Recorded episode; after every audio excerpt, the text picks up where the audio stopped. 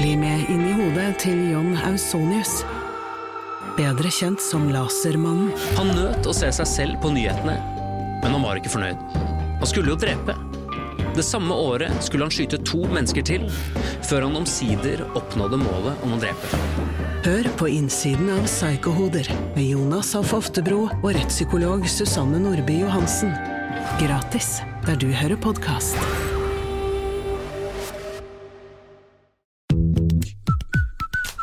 Og velkommen til Femihelse, en podkast om kvinnehelse fra A til Å. Og jeg heter Helene, Og jeg heter Sigrun. og vi har startet denne podkasten fordi vi mener at det bør snakkes mye mer om kvinnehelse. Så la oss snakke. God morgen. God morgen. Altså, I dag har vi brutt en viktig regel hjemme hos oss. Å nei. Ja, det er jo ikke lurt. Vi har nemlig en regel som går ut på at eh, på nattestid så må det være en buffer mellom meg og barnet. Ja. Ja, og den bufferen må være Jon. Eh, fordi jeg klarer ikke å sove med henne. Jeg blir, jeg blir gal av det, fordi hun sparker og roper og smatter og slenger seg rundt. Og du vet, sånn plutselig liksom i fotenden og så oppå. Og så liksom, det er som å sove med en villoter. Men Jon er bortreist. Ja, Så det, det begynte trist i går kveld med stor sorg. 'Jeg tenker på pappaen min', som hun sier hver dag. Bare henter henne i barnehagen. Men det er liksom ekstra sårt på nattestid. Og så hadde jeg sett noen dele på Instagram sånn Remember, your toddler will get big and uh, don't wanna sit on your lap anymore. Eh, og så ble jeg sånn åh, av og til kanskje jeg liksom Så jeg ble veldig påvirket av Instagram, men veldig ofte blir jeg blir sånn ok, da. Lille nusk, du kan være med inn og ligge ved siden av mor. Så jeg liksom la henne helt inntil veggen på Jon sin side, med eh, sin dyne, en pute mellom, dynen hans mellom, og så lå jeg helt ut halvannen meter unna. Det ble en helvetes natt allikevel. Meg. Men hvordan, hvorfor takler Jon dette så mye bedre? Sover han bare veldig Så tungt? tungt, ikke sant? Ja. Og så er han svær og lar seg ikke rikke. Nei. Eh, og så med meg, så hun slår jo her sånn Hvor er pappa? Hvor er pappa? Mens med han så ligger hun legger hun én nå hånd på hver side av kinnet hans, og så stryker hun og så sier hun 'bestevenner'. Eller som hun sa i går 'pappa er kjæresten min'. Herregud. Altså, det er tøft. Ja, det skjønner jeg. Ja. Så jeg vet, jeg har jo visst lenge at um, Hun sier jo eh, 'Mamma, du elsker meg, jeg elsker pappa'. Det har jeg jo visst lenge. eh, men nå på en måte, det blir jo veldig tydelig når han er bortreist. da. Dette er, jeg, jeg, altså jeg, jeg, jeg syns jo det er veldig interessant at Eva har valgt en så tydelig side.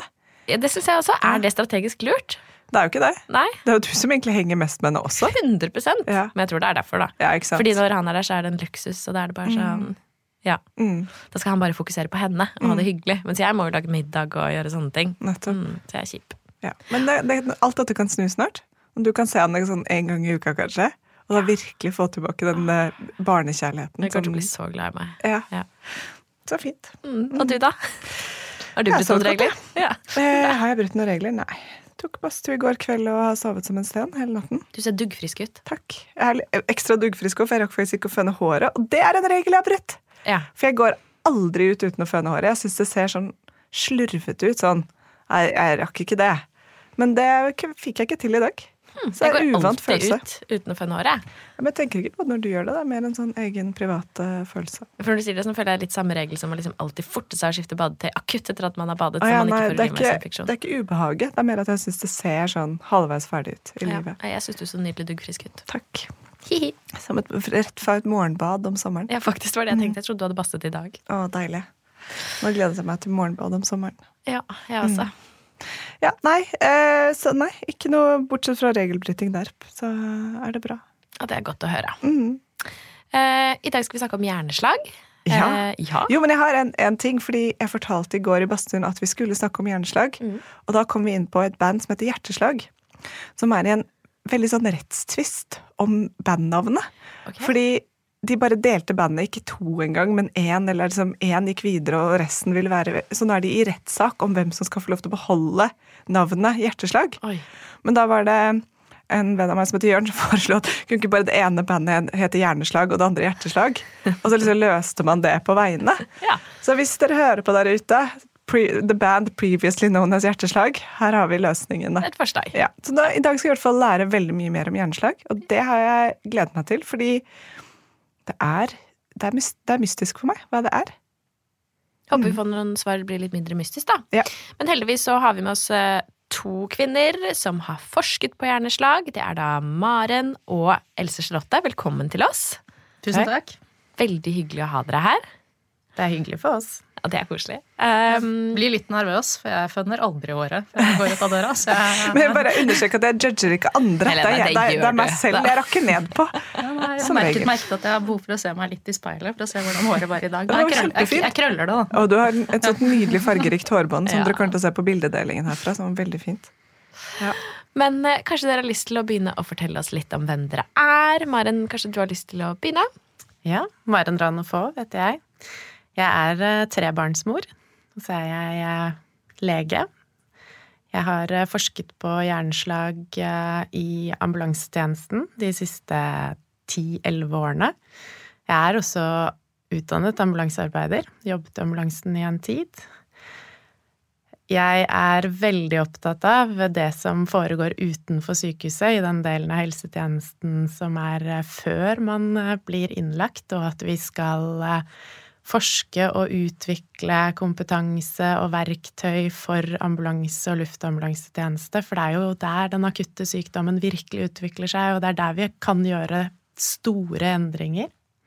Så det bruker jeg dagen min på når jeg ikke er eh, hjemme sammen med barna mine og føler at jeg er litt mer sånn taxisjåfør og omsorgsperson eh, halve døgnet. Høres travelt og spennende ut. Absolutt travelt og absolutt spennende. Og hvilken regel var det mannen din hadde gitt deg? Ikke flere arbeidsgivere enn barn, og den er jeg akkurat på livmyten på nå. Blir det flere barn eller ikke, er spørsmålet. Jeg, jeg har en førsteamanuensisstilling på paramedic-utdanningen på Oslo OsloMet. Der Ja. går jo neste generasjons ambulansearbeidere. Og så er jeg seniorforsker i Stiftelsen Norsk Luftambulanse og lege på Ullevål. Så da gir jeg meg der. Det jeg altså litt sånn Ja, det var det. Jeg har en bachelor i markedsføring. jeg. Fordi du så på Sex in the City og ville bli som Samantha. Jeg går med høye hæler på jobb. Ja. Det var litt slitsomt. Og du, Else Slåtte? Ja, jeg er også forsker på hjerneslag og overlege på Oslo universitetssykehus på Ullevål. Jeg har forsket på hjerneslag siden 2008.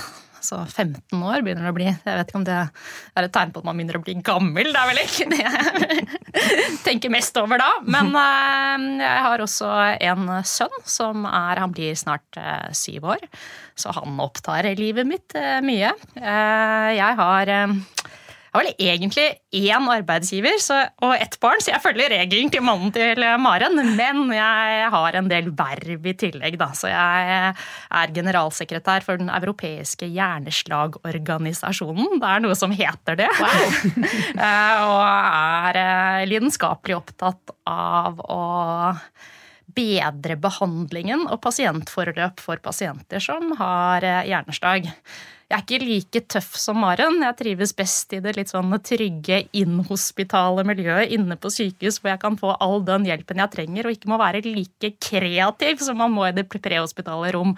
Men eh, så har vi et nydelig samarbeid, Maren og jeg, hvor eh, vi utfyller hverandre veldig fint. Ja, det er strålende. Kanskje, hvordan, eh, Fortell litt om bakgrunnen for denne, denne forskningen dere har gjort. Hvordan startet det?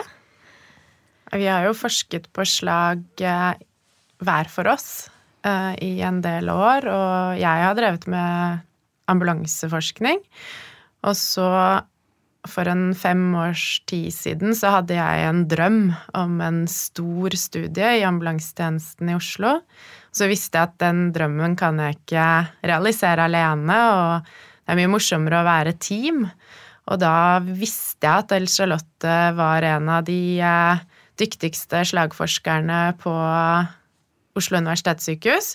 Men jeg var litt redd henne, faktisk, i starten. Og jeg var veldig redd Maren nå, så vi var litt eh, vi, Gjensidig syns, respekt. vi, vi syns hverandre var ganske skumle. Det, Men så tok jeg mot til meg da, og, og ba om et møte, og så satte vi oss ned, og så fortalte jeg litt sånn de store tankene om hva jeg hadde lyst til å få til, og, og jeg møtte ikke noe kritisk blikk på det. Det var bare selvfølgelig skal vi gjøre det, og selvfølgelig skal jeg være med. Og det var eh, den brikken som måtte til for at jeg skulle tørre å gå videre og, og søke om finansiering. Og, og, ut av det så har vi sammen utviklet et eh, kompetansekonsept for ambulansetjenesten. Og i det kompetansekonseptet så ligger det opplæring, både som klasseromsopplæring, men også digital stimuleringstrening. Vi har utviklet eh, mobilspill og VR-spill for trening i hvordan skal vi undersøke pasienter som er rammet av hjerneslag. Og tanken bak det er jo for å styrke ambulansearbeideren i møte med pasienter med mistanke om slag. Og så har vi eh, utviklet en app på mobiltelefon som er for ambulansepersonell. For det vi opplever som sykehusleger, er ofte at eh, kommunikasjonen mellom ambulansearbeiderne og sykehuslegene at den kan, eh, den kan, være litt trøblete. Fordi man kjenner ikke helt til hverandre, man kjenner ikke arbeidssituasjonen til de andre, man kjenner ikke til kompetansen, så kanskje man ikke helt stoler på hverandre heller. Og det hadde vi lyst til å prøve å gjøre noe med ved å lage et verktøy hvor de kan se hva den andre har undersøkt, og så i samtid sende dette. Og utenfor helsevesenet så høres det helt vilt ut at vi fortsatt driver og ringer hverandre på fasttelefon og er avhengig av å sende faks. Så det å innføre denne appen som veileder hvordan man undersøker, og hvor man faktisk kan sende den informasjonen rett til sykehuslegen, det har vi da rullet ut i ambulansetjenesten i Oslo sammen i en stor studie. Og da får man jo masse pasientdata. Og i disse dataene så kan vi jo lete etter eh, det vi kunne klare å komme på av spørsmål knyttet til slagpasienter. Og så har Else Charlotte hatt et eh, eh, ønske og en eget initiativ i forhold til dette med kvinner og hjerneslag, som hun også hadde med seg inn i prosjektet fra tidligere, som hun har smittet over på meg, hvor jeg også ser at vi har for vi har for etablerte oppfatninger av hva symptomer i akutt sykdom er. Og vi ser jo da også hva samarbeidende forskere finner. Dessverre så er veldig mye av de etablerte sannhetene basert på forskning gjort på unge menn. Mm. Og hvem skal ta tak i dette hvis ikke vi som kvinner som er slagforskere? Og da føl, føler vi på et stort ansvar for det. Ja, er, Du sa det, Mariann, at eh, jeg har hatt med dette litt sånn inn. Dette er litt eh, mitt perspektiv også inn i, inn eh, i prosjektet, og at dette er viktig. Jeg var på et postdoc-opphold i Australia i 2015-2016 og da var det, da begynte det å bevege seg litt sånn i, i, i fagmiljøet. Jeg merket merke til at det kom med noen få artikler som snakket om, om, kjønnsforskjeller. Både i hvordan vi behandler eh, kvinner versus menn inne på sykehuset, og også beskrivelse av, av sykdommen i seg selv. Art arter det seg annerledes hos kvinner og hos menn? Eh, og er risikofaktorer de samme? Og vi må jo bare erkjenne at eh, den meste forskningen i verden har foregått på hvite, middelaldrende middelklassemenn. Eh, og det er jo Jeg vet ikke om det er representativt for de som har vært forskere, og at det har vært fokusgruppen, men det, har vært, det er jo den aller meste forskningen er gjort på hvite, middelaldrende middelklasse menn. Og vi ser jo også det inn i, i slagforskningen, så er kvinner generelt underrepresentert, ligger på mellom 30 til 40% i, i de aller fleste forskningsprosjekter som gjøres, i hvert fall der hvor man tester ut nye medisiner, så er kvinner underrepresentert. Og også underrepresentert om du ser på, på, på hvor hyppig sykdommen er i samfunnet, for det må vi også tenke. Man kan ikke tenke at det skal være 50-50 hvis det er en stor overvekt av menn som får sykdommen. Da må man justere på en måte forventningen til andelen av kvinner inn i prosjektene. Men allikevel, kvinner er generelt underrepresentert underrepresentert i, i, i slagforskning, da, og egentlig i forskning generelt. Og da blir det jo litt kan man generalisere? Er behandling like effektiv hos kvinner som hos menn?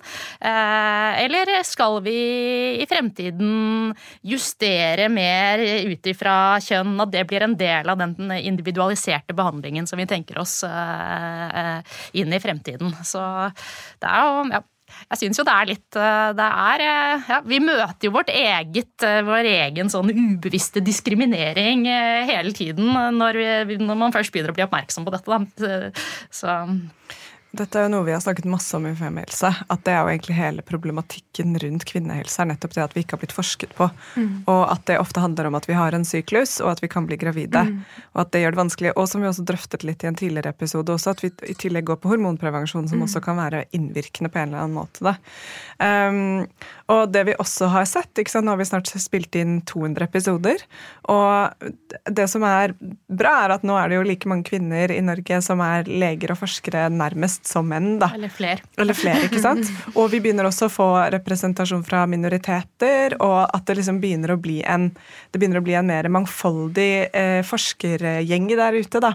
Og da tror jeg vi får se mye mer av det mangfoldet innenfor forskning også, fordi det er jo noe vi merker at Én så er det veldig mange kvinner som forsker på ikke bare kvinnesykdommer, men faktisk ting de lever med selv. Det er også veldig interessant at, at de som forsker på endometriose, har endometriose. Veldig mange, i hvert fall. Og det, det, er, og det tenker jeg jo når det kommer til menn som før var leger, at de forsket på ting de selv var redd for at skulle ramme dem. Så det er jo ikke en sånn vond vilje, det er bare det man har seg selv nærmest, på en eller annen måte blir utgangspunktet, da. Mm. Så tror jeg også noe av det har med betalingsviljen i samfunnet for medikamenter og, og, og hvor er på en måte Hvor er eh, Høres eh, kanskje litt ille å si det, men hvor er, hvor er pengene på en måte, hvor er pengene verdt, og, og, hvor har man kunnet få igjen på å utvikle medisiner eh, og den type ting. Det, så jeg tror det er en faktor inn i det også. Så, ja. Og det har vi også snakket om disse klassiske blålyssykdommene som er de du dør av ganske akutt, og som har en umiddelbar effekt å forske på. For da får man liksom ned dødstallene. Det er noe annet enn på endometriose, f.eks., sånn, hvor du får opp Å ja, nei, kvinner har litt altså får mindre vondt og er mindre sykemeldt og får bedre livskvalitet. Det er vanskeligere å forholde seg til. da.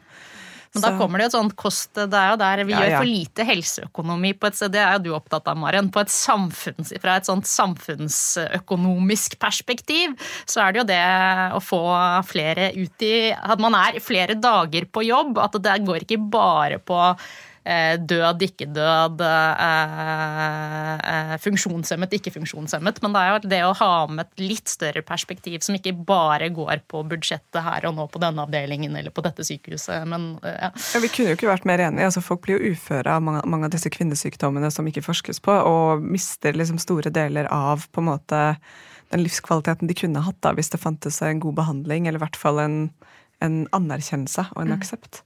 Og det er dette som overrasket Eh, når man ser resultater fra store studier som er gjort i akuttfasen i ambulansetjenesten for pasienter rammet av slag. Da har man jo fasiten i etterkant, for man vet hvilken diagnose de ble skrevet ut med. Og så ser man på hvilken diagnose man trodde de hadde da de var i ambulansetjenesten, og så finner man at kvinner signifikant færre identifiseres i ambulansetjenesten. Og dette er jo Altså, hjerneslag er den sykdommen man på verdensbasis, i hvert fall i industrialiserte land, tredje hyppigste dødsårsak og den viktigste årsaken til invaliditet. Mm. Og vi har behandling som innenfor et ganske knapt tidsvindu, men allikevel kan være kan gi deg tilbake full funksjon fra å være helt funksjonslammet. Og det å finne denne type tall som viser at vi har manglende kunnskap i hvordan kvinner presenterer akutt sykdom, det gjør jo at vi er nødt til å dyp, dykke dypere i dette. Vi er nødt til å skaffe til veie denne kompetansen sånn at den når ut til de som skal identifisere disse pasientene. Fordi Annen forskning viser at hvis man ikke identifiserer seg i ambulansetjenesten, da får man ikke akuttbehandling. Mm. og tidsvinduet for slag, det er veldig, veldig kort. Og Det er superinteressant. Men jeg tror vi må liksom spole litt tilbake for alle som sitter og lytter på, meg selv inkludert. Hva er egentlig et hjerneslag? ja, hva er det? Hva er det? Hva skjer? Hjerneslag er akutt hjernesvikt, og det er årsaket av for lite blodtilførsel til et område av hjernen. I hjernen vår så har vi eh, 25% av blodvolumet i kroppen til enhver tid. Så når vi sitter her nå, så har vi 1 til 1,2 liter blod i hodet. Og sånn er det hele døgnet. Og det, det sier litt om energibehovet til disse hjernecellene, og også sårbarheten. Fordi eh, dette karnettverket, det har blod i seg hele tiden, og det er jo en blodstrøm som kommer fra hjertet, for det er hjertet som pumper ut dette næringsrike blodet. Og et hjerneslag er da at eh, en blodpropp eller en blødning ved at et kar sprekker og det lekker blod ut, skjer i et av disse karene som forsyner hjernecellene med næring.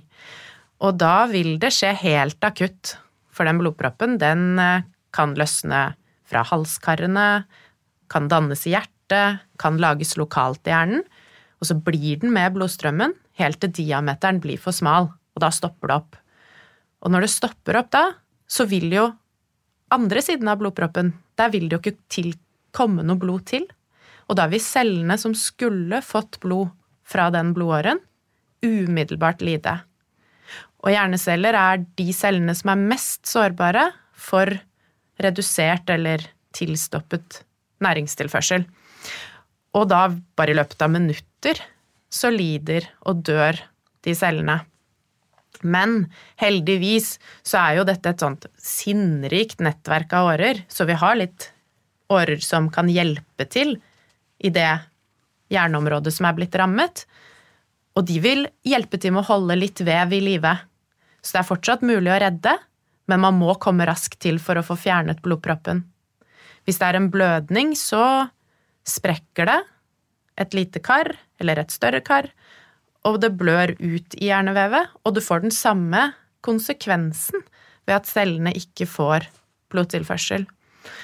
Og det som da gir symptomer på et hjerneslag, det er jo det at det skjer akutt, men det blir bortfall av funksjon fra det hjerneområdet som er rammet.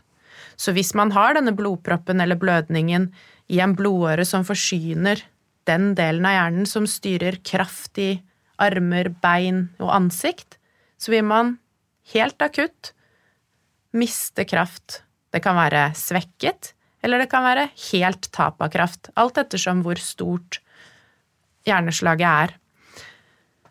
Og cellene de skiller ikke på om det er en blødning eller en blodpropp, for cellene reagerer på at ikke de får næring.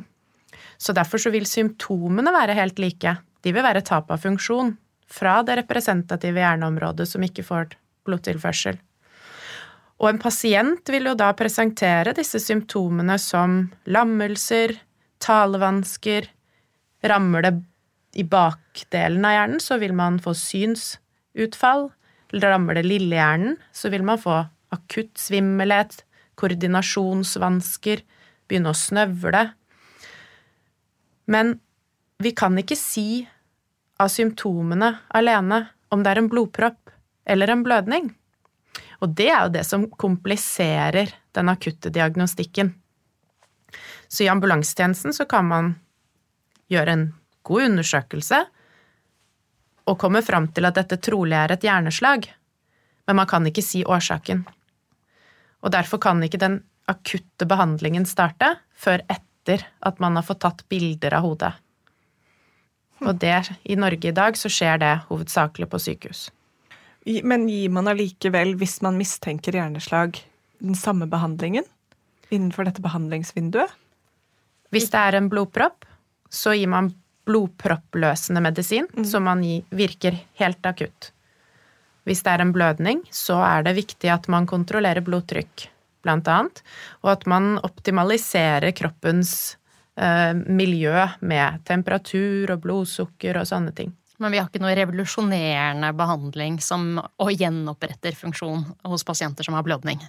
Så, er, eh, I Norge så er det rundt 10-12% av pasientene har hjerneslag forårsaket av blødning. Og resterende har eh, hjerneslag forårsaket av blodpropp. Så det er de som har blodpropp, der har, vi, der har det jo skjedd en revolusjon egentlig de siste 15 årene. Hvor vi kan nå Pasienter kommer inn med lammelse på den ene siden uten språk. Og så kan vi gi blodproppløsende behandling, og vi kan også gå inn og fiske ut eh, blodproppen. Og gjennomrette da funksjonen, og da har du en pasient foran deg som går fra å være lammet uten språk til å kunne gå ut av avdelingen og prate med barn og barnebarn. Ja, det er fantastisk. Men hvis du får inn en pasient eh, i ambulansen hvor man mistenker hjerneslag, det er ikke sånn at man da starter eh, behandling med en gang eh, innenfor dette behandlingsvinduet, eller? I dag kan vi ikke det, Nei. fordi vi har ikke mulighet til å finne ut av om det er blodpropp eller blødning. Nei. Vi har gjort en studie i eh, ambulansetjenesten i Østfold, hvor vi hadde en spesialbygget ambulanse med en CT-maskin, som er en røntgenmaskin hvor man kan ta bilder av hodet.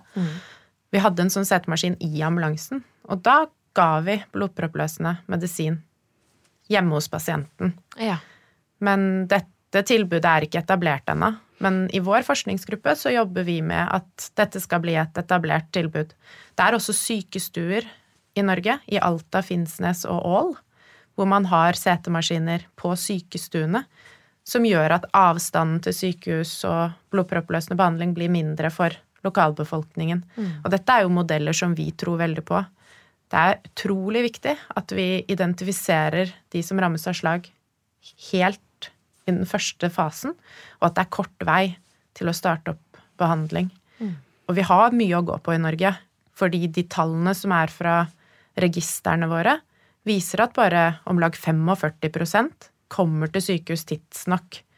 Så vi trenger eh, både å utvide tilbudet med å korte ned avstander, og vi trenger å øke kompetansen i befolkningen og hos de helsepersonellet som møter pasientene og bestemme hvor de skal, ikke sant. Det er jo opp til ambulansetjenesten om du skal kontakte sykehus, eller om du skal kjøres til legevakten, eller om du får beskjed om å bli igjen hjemme.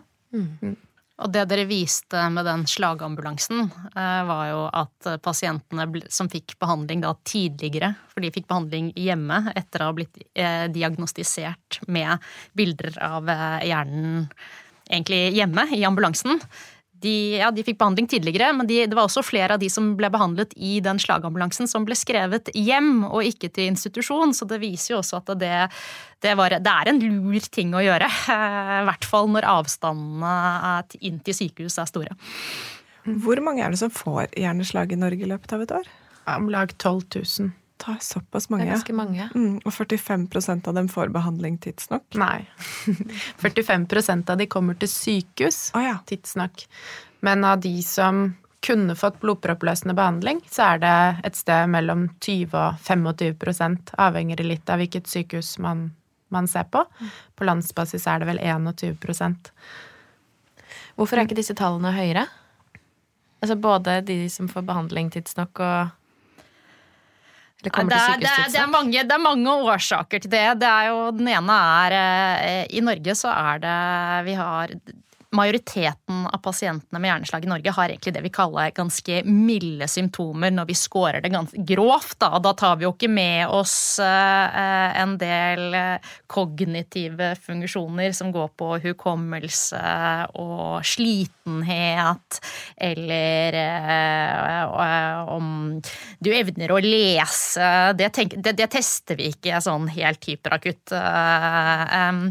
Så, så der, i Norge så har det er ganske milde symptomer på, på hovedandelen av pasientene, som nok er en, hvis man kan si det sånn, tradisjonelt så har det vært en litt sånn, man tenker at det kommer til å gå bra med de pasientene. Det er nok en, en liten faktor, og så er det en del av disse pasientene som er eldre og, og, og skrøpelige, hvor man tenker at den behandlingen kan være risikofylt fordi de går på annen medisin, har andre sykdommer. Eh, Så, men jeg tror vi skal ha som mål å få andelen delen behandlet opp, det er det jo. Eh, men vi ligger egentlig ganske godt sånn på et sånt eh, Hvis man skal kalle det et, eh, et verdensgjennomsnitt, så, så, er vi ganske gode. Så tror jeg vel, hvis jeg husker korrekt, så er det vel opp Det er vel noen sykehus som, som gir Plumbo, som jeg kaller det, blodproppløsende behandling til, til opp mot 40% og så, så, det varierer litt fra sykehus til sykehus, og det kommer litt an på tradisjonen og, og, og, og hvordan man tolker retningslinjer. Så for Tradisjonelt så har dette vært, denne behandlingen har vært ganske vært veldig eh, strenge retningslinjer for hvem du kan gi den til. Og det er fordi når du gir en veldig kraftig blodproppløsende medisin eh, eh, et, eh, som løser opp en blodpropp og gjenoppretter eh, blodtilførselen til et skadet område av hjernen, så er det en risiko for at når blodet begynner å strømme inn i det området igjen, at, en, at det utvikler seg en stor blødning i det skadede området. Så det er litt det å veie opp risikoen for å få en blødning opp mot gevinsten ved å løse opp proppen. Så det er jo en, eh, det er jo en det er en beslutning som vi må ta raskt. Og så må vi hele tiden veie opp blødning, eh, risiko for blødning versus eh, effekt du kan ha av eh, behandlingen, og hvordan det vil gjenopprette funksjonen til pasienten. Så jeg tror vel både Maren og jeg har, har gått ut av et rom og tenkt sånn tenkt, jeg, Burde jeg gjort dette? Burde jeg tatt en annen beslutning her? For det er en ganske vanskelig beslutning hos en del pasienter Eh, om, om det, å ta den avveiningen risiko versus nytteeffekten, mm. Eh, siden, ja, siden, man kan få en, eh, utvikle en mm. stor blødning. Og den faktoren vi har muligheten til å gjøre noe med, er jo tid. For den tiden som går fra blodproppen fester seg og skaden starter, til vi får løst opp blodproppen med medisiner, den er helt avgjørende i forhold til hvor farlig det er å gi behandling. Så vi må fortsette å fokusere på hvordan vi kan korte ned tiden og få alle disse 55% som i dag ikke kommer til sykehus innenfor de første timene. Hvordan kan vi få de inn til sykehus? Men samtidig så er dette en knivsegg for hvis vi begynner med å si at alle med symptomer fra hjernen skal kjøres på ambulanse til et sykehus, da kollapser systemet fullstendig. Vi har allerede 185 000 ambulanseutrykninger i Oslo i året. Vi kan ikke doble det, og vi må i større grad klare å identifisere tidlig vi må heve kompetansen. Jeg sier at det er som bunntråleprinsipp. At vi bare skal liksom ta med oss alt i prehospital tjeneste, og så får sykehusene sortere hvem som skal ha behandling og ikke ha behandling. Og det er jo ikke et bærekraftig system. Og samtidig så ser vi at den kunnskapen som vi har, ikke er god nok, fordi vi vet at særlig yngre kvinner, ikke identifiseres i like stor grad som menn når de rammes av slag. Og det er mye vi ikke vet om disse symptomene. Og faren blir jo at vi da begynner å skal sende alle unge kvinner med akuttsymptomer, med hodepine, med diffuse plager gjennom en sånn trombolysesløyfe med og gir de potensielt farlige medisiner. Vi må jo ikke komme dit, men vi må forske på hva er det som gjør at du som kvinne kan presentere symptomer på en annen måte, og skaffe til veie det, det og bidra til at den kunnskapen kommer alt helsepersonell som er i kontakt med slagpasienter, til gode i fremtiden. Og dette er jo noe av grunnen til at vi har invitert dere hit i dag. Eh, nettopp at vi leste en artikkel hvor eh, vi nettopp så at eh, symptombildet for kvinner når det kommer til hjerneslag, kan være annerledes. Og jeg antar jo at tidsaspektet kan jo også påvirkes av at flere kjenner igjen symptomer hos kvinner. Kan dere si noe om hvilke symptomer som kanskje skiller seg litt ut hos kvinner? Det vi vet hos kvinner, er at kvinner oftere enn menn presenterer med hodepine litt forvirring, nedsatt bevissthet.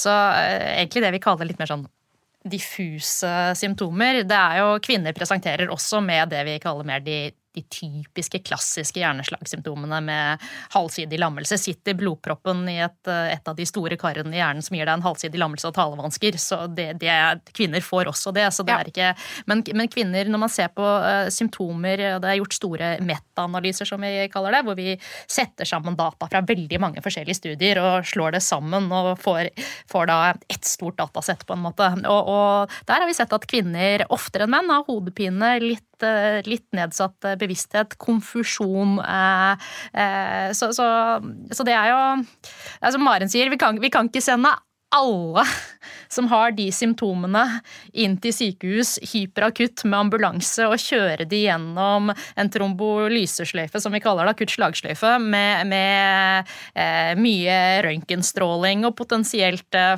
farlig behandling. Så det er jo få mer Vi trenger mer, å mer, få mer forståelse for hva den gruppen eh, Hvordan den gruppen egentlig presenterer, og hvilke av de pasientene som har den type Hvilke kvinner som har den type symptomer.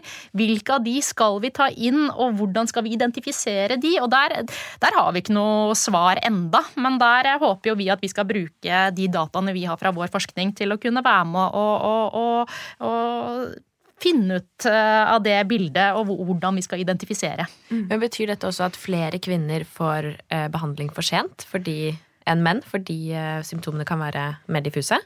De store studiene som vi refererer til med tall fra, ved pasienter fra bl.a. Australia, så er det forsinket behandling. Blant kvinner? Mm. Mer vanlig? Mm. Ja. Og når det kommer til behandlingen, da, er behandlingen lik for kvinner og menn? Eller eh, er den eller bør den være annerledes? Nei, der, der, det er egentlig ganske interessant. Fordi eh, vi har sett på alle studiene som er gjort på pasienter med eh, Eller hjerneslagstudier som har randomisert pasienter til behandling. Så har vi sett på, på hvordan eh, andelen kvinner er i akuttstudier, så de hyperakutte sånn inn på sykehus akuttmottak, og, og, i langtidsoppfølging og rehabilitering. Og det vi ser er at I akuttstudiene så er representasjoner av kvinner og menn den er ganske lik. Mens når vi kommer til oppfølging og det vi kaller sekundærprofylakse, så medisin du gir for eh, å hindre nyslag, der er kvinner alltid underrepresentert. Ligger på rundt 30-35% i nesten alle studier. Mens i de veldig akutte studiene, altså der hvor de blodproppløsende studiene og, og der blodproppfiskende studiene, der er det veldig lik representasjon mellom kvinner og menn.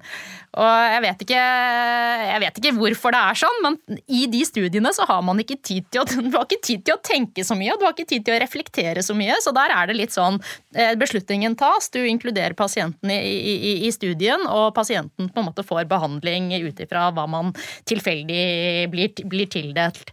Mens i, i, i, i sekundærprofilakse, da, for å hindre nye slag, der er det gjerne eh, hyppigere oppfølging. Eh, du har mer tid til å tenke. Mer, så, så det er, det er, det er, vi gjør et eller annet rart. Eller vi gjør et eller annet i tilnærmingen vår til pasientene, tror jeg. Eller om det er kvinner som Eh, er mer engstelige når det kommer når de har tid til å tenke, det vet jeg ikke. Eh, det prøver vi også å finne ut av, for vi har ikke, helt, vi har ikke noen god forklaring på, på, hvorfor det er sånn. Men jeg syns det er ganske interessant. Men eh, spørsmålet ditt var om behandlingen er lik, og, og effekten av behandlingen er, er, lik hos kvinner og hos menn. Sånn på, hvis man ser på det på de, på de store studiene som er gjort. Men det vi også har sett som jeg syns er spennende, er gjennomgangen av slagstudier.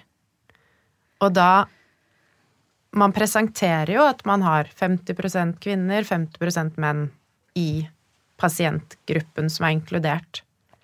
Men de færreste studiene har gjort egne analyser på kjønn som en faktor i sykdomsutvikling, symptompresentasjon. Og det er gjort gjennomgang fra 2010 til 2020 av slagstudier som ble publisert i den perioden. Da var det bare 37% som hadde det fokuset. Og vi er ikke blitt noe bedre, for i 2020 og frem til i dag så det, ligger det på 40-45 det tallet. Så dette er også noe som vi som slagforskere må ta inn over oss. at vi stiller heller ikke spørsmålet, ikke sant? Er, for, er kjønn noe som påvirker resultatene i de studiene vi gjennomfører? Og det skal jo vi i gang med et stort arbeid på nå, for vi har store datamateriale hvor vi nå skal bare gjøre analyser basert på kjønn. Og det gleder vi oss veldig til.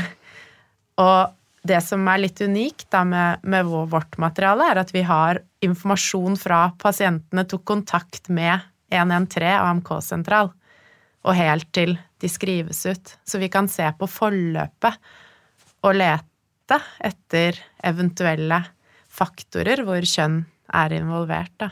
Og målet med dette her er jo at disse verktøyene som vi allerede har utviklet for ambulansetjenesten, at vi skal legge inn nye elementer.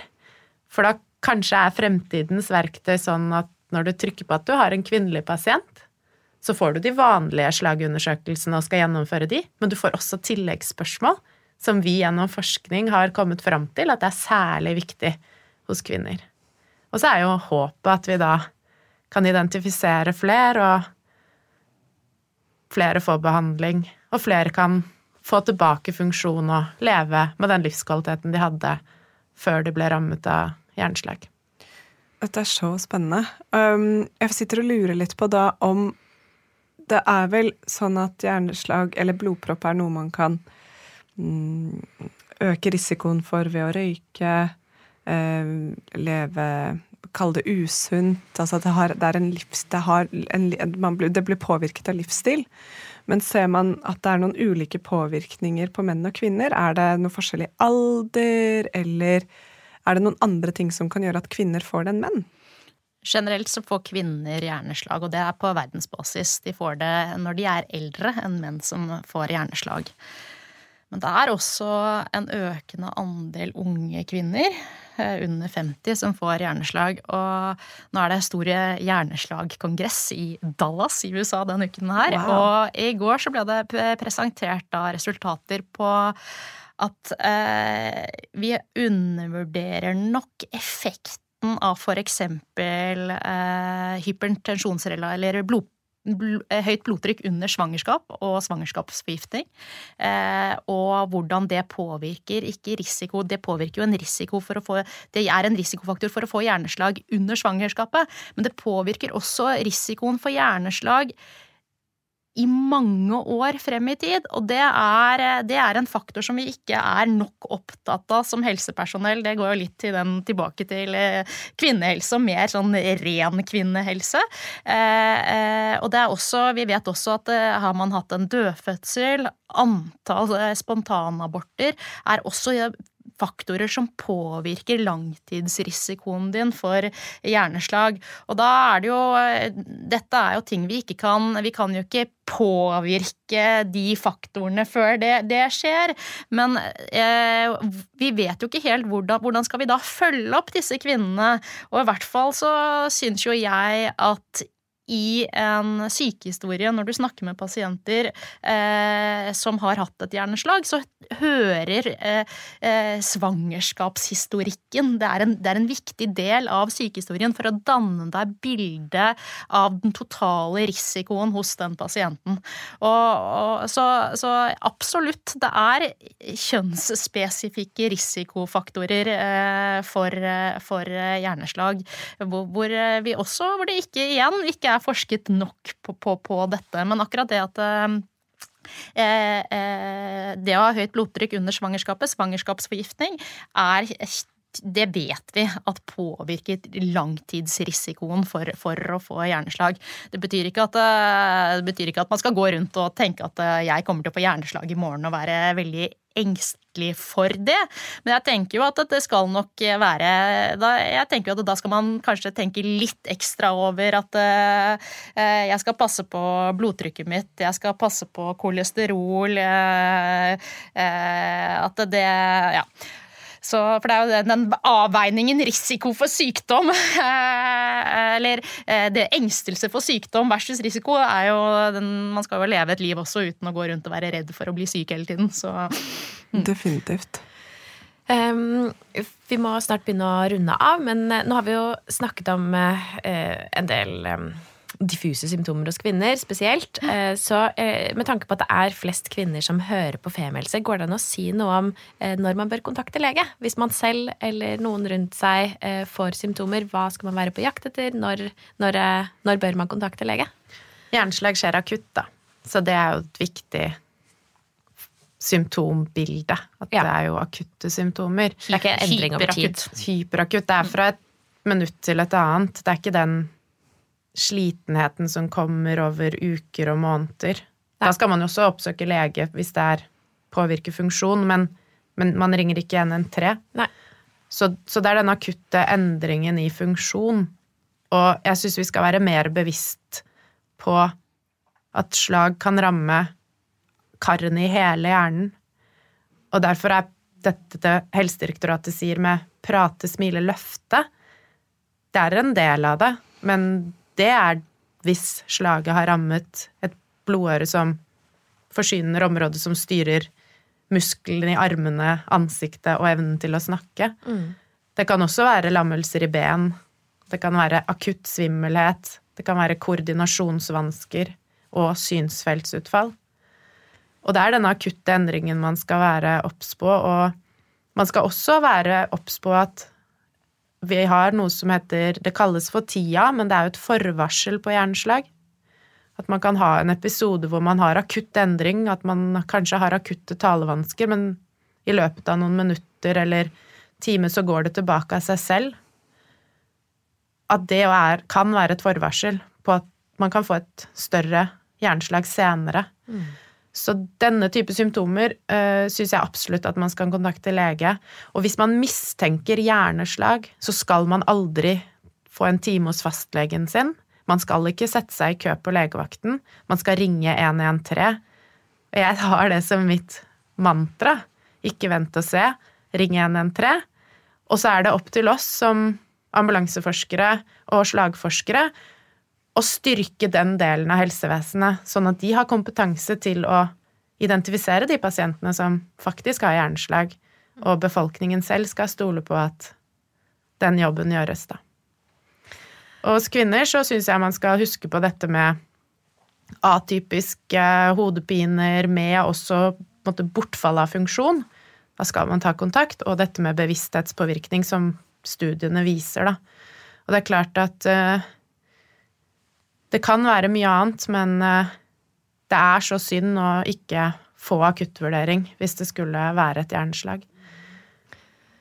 Og dette høres ut som en eh, altså alvorlige symptomer, uansett om det er eh, hjerneslag eller ei. Så hvis det ikke er det, så kan det hende at det er noe annet hvis man får akutt endring på denne måten. Som, ja. Så noe man skal ta alvorlig. Ikke vent og se. Ring 113. Den skal jeg ta med meg. um, er det noe dere har lyst til å legge til før vi avslutter? Vi har fått snakket om mye i dag. Nei, tusen takk for at vi fikk lov til å komme. Takk for at dere løfter også akuttmedisinske problemstillinger eh, med et kvinnehelsefokus. Det tror jeg er veldig viktig.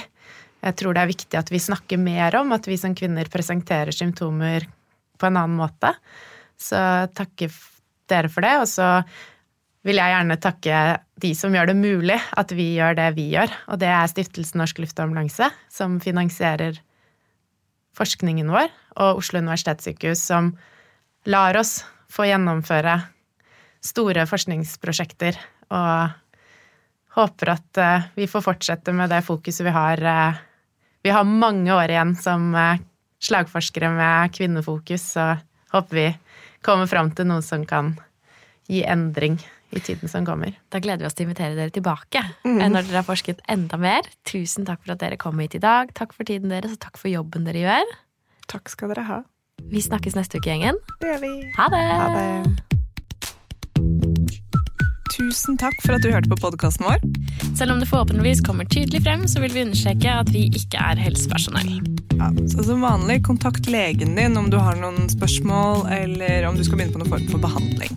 Og har du et tema som du har lyst til at vi skal snakke om, eller noe ris eller ros, så send oss gjerne en melding på Facebook eller på Instagram. Der finner du oss under Femihelse. Og du kan gjerne rate oss på iTunes, det er skikkelig hyggelig for oss. Ha en fin dag! Ha en kjempefin dag!